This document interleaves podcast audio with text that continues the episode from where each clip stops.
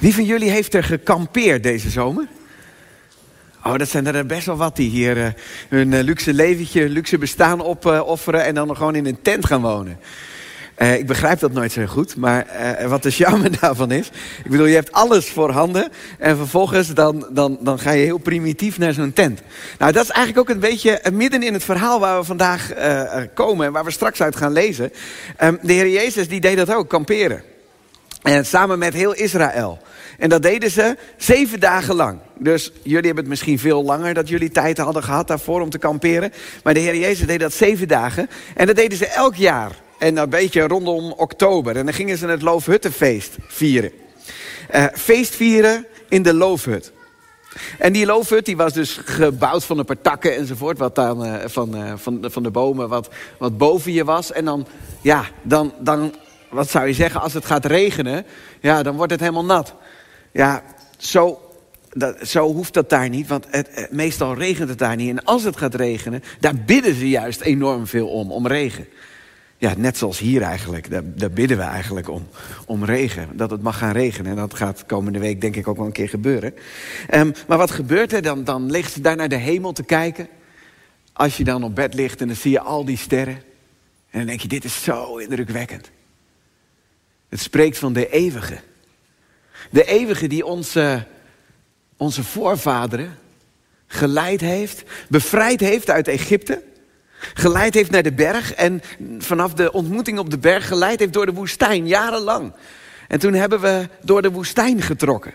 En daar denken ze aan met Loofhuttenfeest. En hij, God de eeuwige, heeft ons zo geleid met de vuurkolom en de wolkolom. Hij was erbij en heeft ons geleid naar het beloofde land.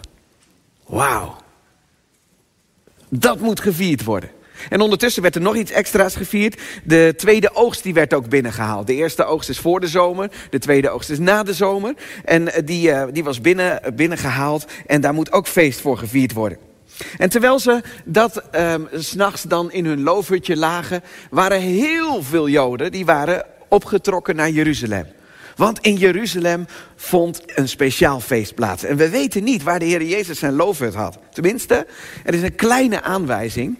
Um, Waar ik, waarvan ik denk, waarvan ik vermoed dat de Heer Jezus in Gethsemane, op de Olijfberg, zijn loofhut gebouwd had.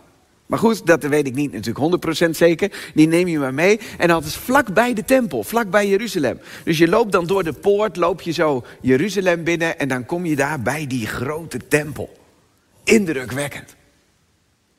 En die tempel, vanuit die tempel kwam elke dag met het Loofhuttenfeest... kwamen de priesters en die gingen naar het badwater, naar de bron Siloam. En dan moet je, jongens en meisjes, dan moet je een heel end naar beneden. En dat gaat superstel. Dus zij gingen al die trappen superstel af naar beneden in één grote processie. Dus zij gingen de trappen af en dan gingen ze daar met met van zo'n zo kruik, zo'n vaas, zo'n gouden kruikvaas. Laten we hem maar zo kruikvaas noemen. Um, dan heb je er een beetje beeld bij. Um, en dan, dan gingen ze daar in de badwater Siloam gingen ze water halen. En dan gingen ze weer terug. En dan kwamen ze daar weer in de tempel. Dat deden ze zeven dagen lang. Maar de zevende dag, dat was helemaal bijzonder. Dan gingen ze zeven keer heen en weer. Om het op te halen. En dan bij het wijnoffer ja mannen, breng dat maar eens een keer. Bij het wijnoffer schoten ze dat water daar bij het altaar uit. Zo indrukwekkend. En niet alleen de, de echte um, elite van de Joden waren daar. Het Loofhuttenfeest moest met alles en iedereen gevierd worden. Dat vierde je met je kinderen, maar dat vierde je met opa en oma. Dat vierde je met je personeel, je slavenhuishouding. Je vierde dat met alles en iedereen. Het Loofhuttenfeest. Dat stond gewoon geblokt in de agenda. Kamperen. Wetend, God heeft ons geleid en God gaat eten en drinken geven. Het is uh, ook een onderdeel van twee cyclus van feesten. En een van de twee die zal ik je vertellen. Want die heb ik net al gezegd. Dat is Persach, de, waar bij ons Pasen vandaan komt. De uittocht uit Egypte, de bevrijding uit slavernij. Dat is uh, Shavuot, dat is ons Pinksterfeest. Dat is waar God op de berg een ontmoeting had met Mozes en met zijn volk daarmee. En, en ze de, de Torah, de wet gegeven heeft. En de derde feest, het Loofhuttenfeest. God heeft ze door de woestijn geleid tot in het beloofde land. Wauw. Dit is de afsluiting ook dus van deze cyclus van feesten. En dat is dus een hoogtepunt. God beveiligt. God geeft licht. God geeft water. God geeft begeleiding. God zorgt voor zijn volk. En uh, elke jongen en meisje die heeft dan in zijn loofhut omhoog zitten kijken. Naar dat indrukwekkende, naar de sterren in de hemel. En dan moeten ze gedacht hebben aan die profetie, want die hebben ze ook geleerd van hun rabbijn. Dan zult u met vreugde water scheppen uit de bronnen van het heil. Ja, dat is nu gebeurd. En, en, gisteren was het zo dat op de zevende dag van dat Loofhuttenfeest, de, het hoogtepunt van die dag van het Loofhuttenfeest, dat Jezus heeft gezegd, midden op die dag stond hij op. En toen zei hij dat hij de bron van levend water was. En wie in hem gelooft, dat stromen van water ook uit zijn binnenste zal komen. Jezus heeft gezegd, um, eigenlijk zoals bij Mozes in de woestijn, Mozes dat er water uit de rots kwam. Ik weet niet of je dat weet, maar er kwam water uit de rots. Jezus zegt, ik ben die rots. Ik ben jouw bron, jullie bron, Israël. Ik ben jullie bron van levend water. En als je van mijn water drinkt, zul jij ook worden tot een bron. Heel indrukwekkend hoe dat allemaal samenkomt. Het Eerste Testament en het Tweede Testament. De vervulling in de profetie waar Jezus zegt: Ik ben niet zomaar iemand. Ik ben uniek. Ik ben de enige. Ik ben de vervulling. En als uh, de zevende dag dan voorbij is en Jezus naar de olijfberg ging en sommige mensen misschien naar huis gingen, toen brak de achtste dag aan. En ik dacht, wat moet Israël dan op de achtste dag van het Loofhuttenfeest doen? Als die feest zeven dagen duurt, wat doen ze dan? Is toch interessant? Wat, wat doen ze dan op de achtste dag? Uh, nog een dag feest vieren. Want God heeft gezegd in Leviticus... Maar vanaf de vijftiende dag van de zevende maand, wanneer u de opbrengst van het land ingezameld hebt, moet u het, het feest van de Heren, dat is het Loofhuttenfeest, zeven dagen lang vieren. Op de eerste dag is het een rustdag, een Shabbat. Dat zijn de hoogste feestdagen. En op de achtste dag is het een rustdag, een Shabbat. Dus de achtste dag was het een Shabbat. En uh, dan aan het einde van de achtste dag, dan begint Simchat Torah, de vreugde van het woord, van de wet. Enorm veel vreugde barstte dan los. Want uh, mensen uit de diaspora waren toch uh, weer allemaal samengekomen in, in Jeruzalem om het Loofhuttenfeest te vieren. En daarom had uh, het Sanhedrin ingesteld, dan gaan we daar gaan we de, gelijk nog een ander feest aanplakken van een dag. De vreugde van het woord, kostbare geschenk van het woord. En Jezus had deze nacht dus doorgebracht in de olijfboomgaard. Zo lezen we in Johannes 8. En ik lees het voor. Um, dat na het Loofhuttenfeest Jezus echter ging naar de Olijfberg. En s'morgens vroeg, dus dat is de volgende ochtend, kwam hij opnieuw in de tempel. Hé, hey, dat is die achtste dag. Die achtste dag, dus dat is na, uh, daar komt hij opnieuw in de tempel. En al het volk kwam naar hem toe. En hij ging zitten en onderwees hen. Al het volk kwam naar hen toe. Dat geeft al een aanwijzing waar Jezus is gaan zitten. En dat lees je ook later in hoofdstuk 8. Als je je thuis nog eens een keer goed doorleest, dan lees je dat, dat Jezus die zat bij de schatkist. En je had eh, niet zomaar een schatkist, jongens en meisjes, maar dat je moet, want dan denk je van, nou, er stond een collectepotje of zo. Nou, dat was niet het geval. Die schatkist was eigenlijk een soort mega-opslag um, met een um, heleboel schatkisten bij elkaar. Uh, ik dacht wel uit mijn hoofd gezegd iets van dertien schatkisten die daar stonden, waar dan verschillende offers gebracht konden worden. En daar was een drukte van belang. Daar kwam iedereen. Dat was bij het voorhof van de vrouwen. Daar mocht iedereen gewoon komen.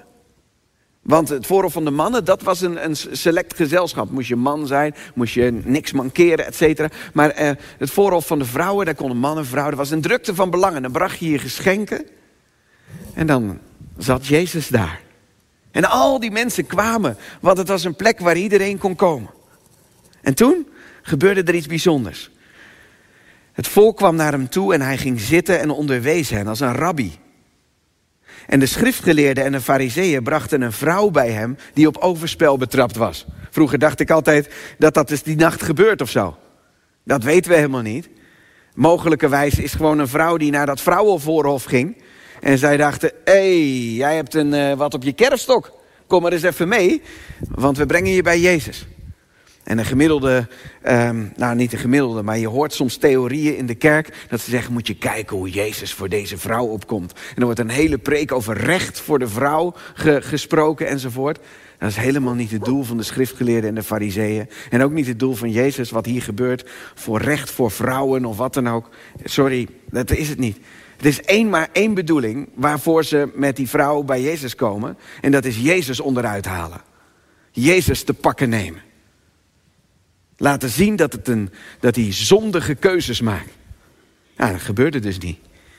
En, en wat gebeurde er? Die vrouw die, uh, die werd bij Jezus, uh, die kwam daar bij Jezus met die mensen. En, en Jezus die bukte toen en ging met zijn vinger in het zand schrijven. Gewoon uh, een beetje apathisch. Zat hij... En als je dan, dan, dan leest, ik lees het je voor, want we volgen het op de voet. Want het gaat dan over de wet. Wat heeft de wet van Mozes ons geboden? Uh, die heeft ons geboden om de vrouwen te stenigen. U dan, wat zegt u? En dit zeiden zij om Jezus te verzoeken. Opdat zij iets hadden om hem aan te klagen. De vorige dag was het mislukt. Maar Jezus bukte en schreef met de vinger in de aarde. En toen ze het hem bleven vragen, dus ze bleven het vragen, richtte hij zich op en zei tegen hen: Wie zonder zonde is van u, die werpen de eerste steen. En vervolgens bukt hij zich weer en begint hij in de aarde te schrijven. Heel opmerkelijk voorval. Op die dag waarin Simchat Torah, de vreugde van het woord, de vreugde van de wet is, dan probeerden ze te zeggen van, uh, Heer Jezus, kijk eens die wet.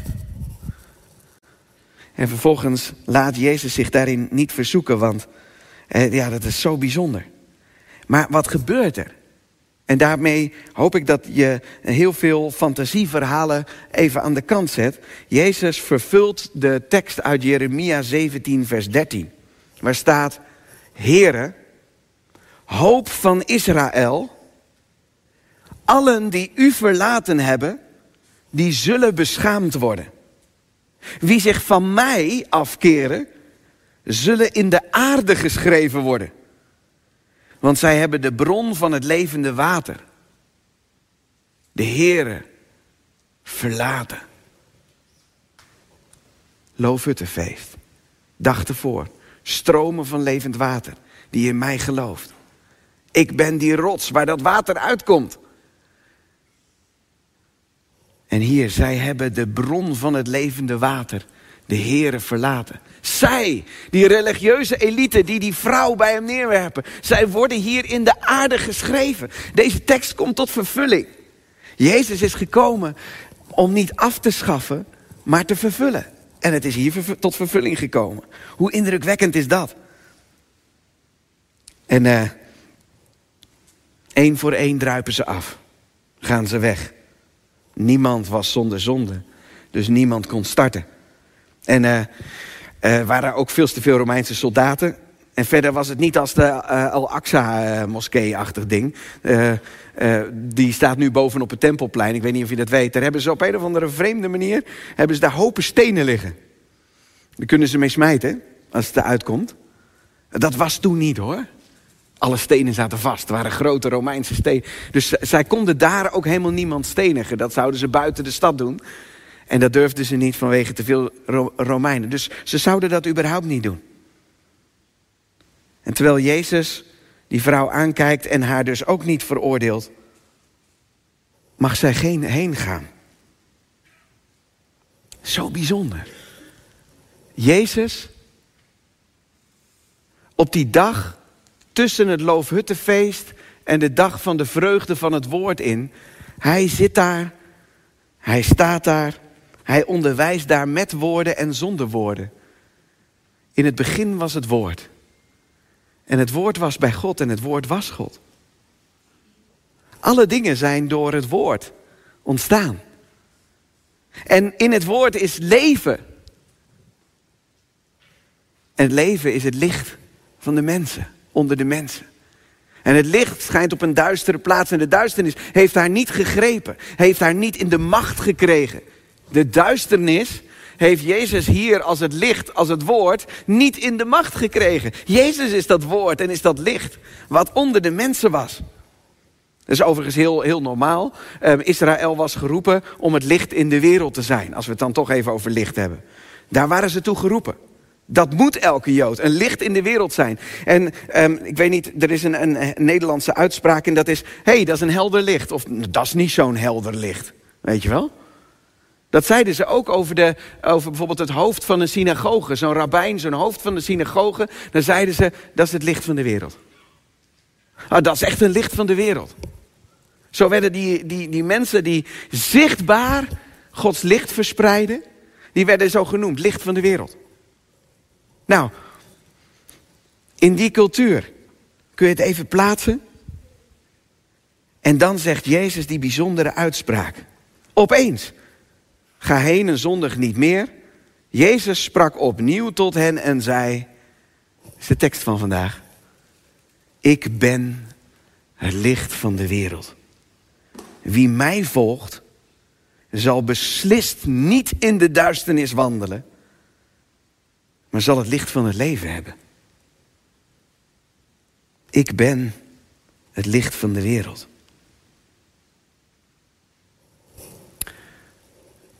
Ik zei al in mijn inleiding hier zo, in het gesprekje. Is Jezus nou zo van de hak op de tak? Hoe komt hij hier bij het licht van de wereld opeens verzeld geraakt? En daarvoor moet je nog iets weten wat er gebeurde. En in de Talmud, in een van de, de, de, de, de Joodse leer, zeg maar, daar zie je dat, dat dat in die tijd ook heel gebruikelijk was. Het was namelijk zo met het Loofhuttenfeest dat ze metershoge kandelaren in de tempel neerzetten. Waar? Staat er echt specifiek? Bij het vrouwenvoorhof. Daar staan meters hoge kandelaren. En, en, en, dus, dus van die fakkels. En dan aan één kandelaar zitten dan vier verschillende uh, uh, fakkels. En de lonten daarvan, dat is van oude priesterkleding gemaakt. Die zijn oud, die moeten vervangen worden. En vervolgens gebruikten ze die kleding. En dat waren de lonten. En elke avond, voordat het donker werd, en opeens wordt het donker daar, en zeker in die tijd, en dat is al vrij vroeg ook, en dan zou je met zoveel mensen in een stad, je kan geen hand voor ogen zien. Heel slim, wat hadden ze bedacht? Dan gingen die uh, levieten, die gingen dan uh, uh, de trappen op, zeg maar, van die kandelaar, van die, van, die, van die lampen. En dan gingen ze dat helemaal bijvullen met iets van 25 liter olie. En dan gooiden ze die olie erin en dat ging dan branden. En je kan je voorstellen dat dat s'avonds een enorm effect had. Want dat verlichtte niet alleen de tempel, dat verlichtte de heel de, de, oude stad Jeruzalem. Het was één lichtstad geworden. Het, het straalde er vanaf. En als je dan zo van de Olijfberg zou kijken naar Jeruzalem, dan zou je denken: hé, hey, er zit een vuurkolom boven de tempel. Indrukwekkend, hè? En waar zat Jezus ook alweer? Bij de schatkist? Bij het vrouwenverblijf? En hij hoeft alleen maar te kijken naar die lampen.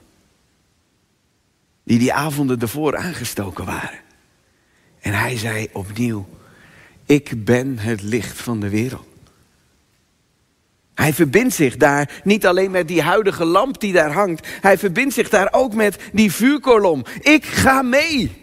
Ik ben bereid mee te gaan. Ik ben bereid je te beveiligen, je te beschermen, je te leiden, de weg te wijzen. Ik ben Jezus. Ik ben niet zomaar iemand. Ik ben niet om een, eh, een beetje lichamelijke ongemakken af en toe van jou. Als je een beetje buikpijn hebt of je knie gebroken of dat je ernstigere ziekte hebt. Dat, ik even, dat je het even bij mij kan brengen. Ik ben niet voor jouw tijdelijke sores alleen gekomen.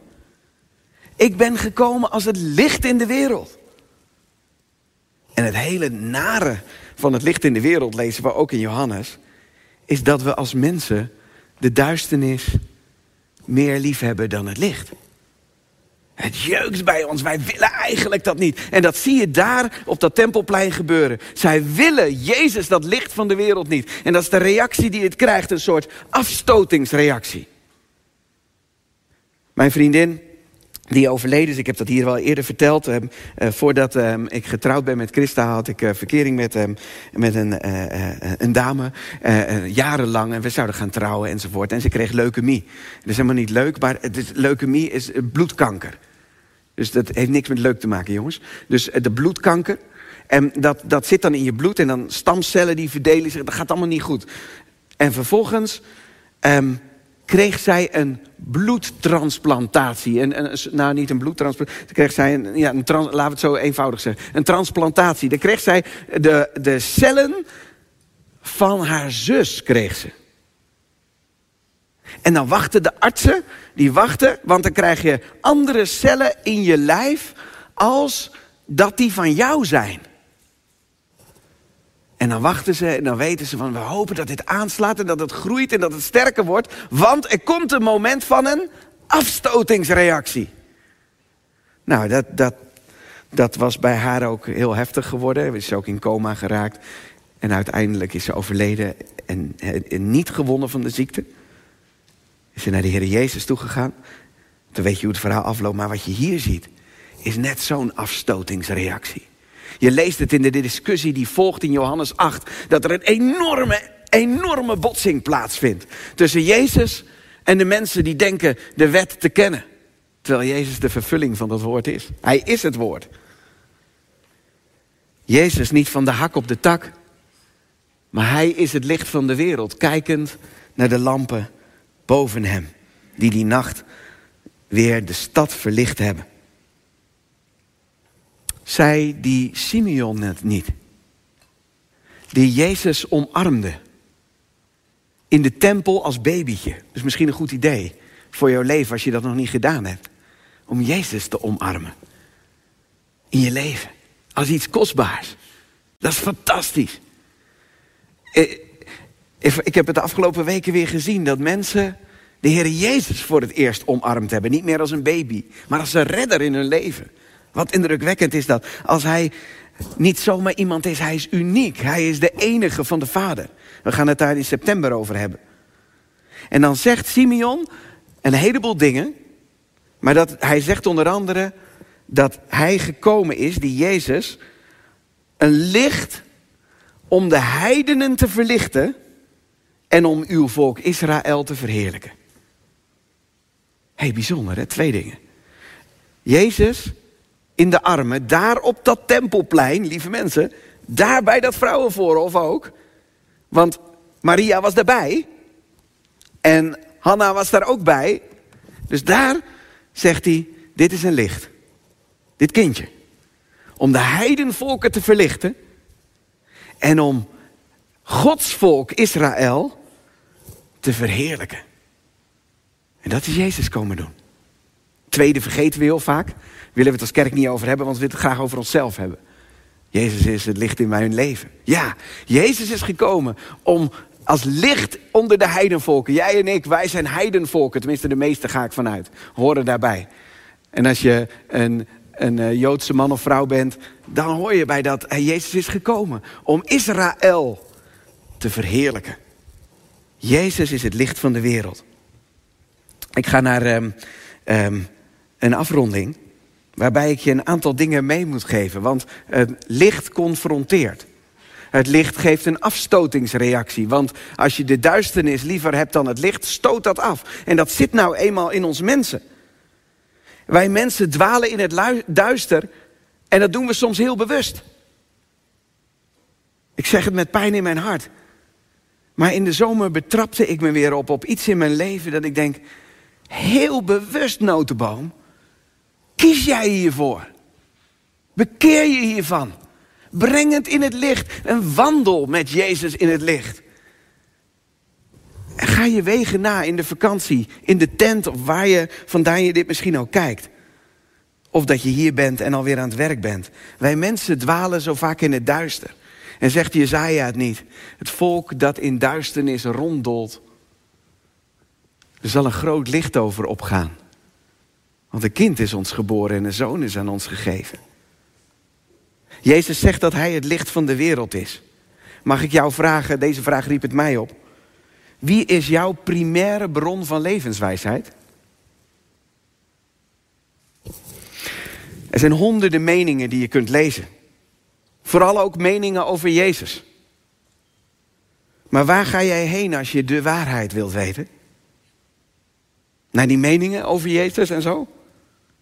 Zelfs theologisch? Of ga je naar dat woord terug en zegt: Heer, Simchat Torah, u heeft mij het woord gegeven en ik ben daar zo ongelooflijk blij mee. Wilt u tot mij spreken door het woord? Dan breng je het aan het licht. Uw woord is een lamp voor mijn voeten en een licht op mijn pad. Of uh, ben jij bewust, daar moest ik ook aan denken. Ben jij bewust dat jouw mening ook wel eens gevormd kan zijn door een deel van de duisternis in jouw bestaan? Zo verkleurd kunnen wij zijn. Dus laten we teruggaan naar de pure bron, het licht van de wereld, Jezus. Het tweede is, licht onthult dingen die in de duisternis verborgen blijven. Als Jezus licht in mijn leven schijnt, zie ik opeens dingen dat ik denk, nou, ik vertelde het van in de zomer, waar ik van schrik. Als jij in het licht wilt wandelen, ben je dan ook bereid de duistere zaken in je leven uh, onder de aandacht te brengen en er afscheid van te nemen? Ben je bereid om je leven grote schoonmaak te houden? Mijn vrouw en ik, wij zijn soms als het. Uh, um, kijken we naar het raam en dan denken we, nou, het is, het is, ja, wij, wij verzorgen die ramen best goed. Het ziet er best netjes uit. Hè, die ramen. En dan gaat de zon schijnen. Dan zie ik niet alleen van alles op die ramen. Maar dan zie je, voor die, als die zon zo de, de, de kamer inschijnt, zie je allemaal stof. Heb je dat wel eens gezien? Jongens en meisjes, moet eens kijken. Als de zon dan opeens je raam van je moeders huis inschijnt. Je denkt dat je moeder netjes is. Maar dan moet je dan eens kijken. Ja, dat gebeurt er als Jezus je leven inschijnt. En dan schijnt hij erin. En dan gebeurt er iets dat je denkt, je schrikt. Ben je bereid om die dingen te laten gebeuren? Om uh, Jezus te laten schijnen in je leven? Als uh, laatste, de derde. Als je daartoe bereid bent, mag je weten dat jij drager van het licht bent. Want Jezus zegt tegen zijn leerlingen, moet je nagaan, redelijk ongeletterd, vissermannen, niet, niet uh, leerlingen aan de voeten van Gamaliel, maar gewoon uit de vissersboot geplukt. En dan zegt Jezus, even later, zegt hij, niet heel veel later, zegt hij, jullie zijn lichten in de wereld. Jullie zijn het licht van de wereld. Dat zegt Jezus ook tegen jou als je Hem navolgt. Als je Hem omarmt, als je in Hem gelooft. Ben jij een bron van licht geworden door Hem. Omdat Hij in je is. En dan kan je één ding verwachten. Dat is de derde voor jou. Als je gelovig daarin wilt staan en in het licht wandelt. Dan kan jij weerstand verwachten. Als jij puur licht uitstraalt. Het licht in de wereld brengt. Jezus brengt. Want het licht heeft een naam. Het woord van God. Jezus. Dan kan je clashes verwachten met mensen die de duisternis. Die, die de schijnvroomheid liever hebben dan het licht. Jezus zei, ik ben, naam van God, het licht van de wereld. Wie mij volgt, zal beslist in de duisternis niet wandelen, maar het licht van het leven hebben. Volg Hem. Omarm Hem. En Zijn licht zal binnenkomen en hij helpt je wel met de grote schoonmaak. Amen.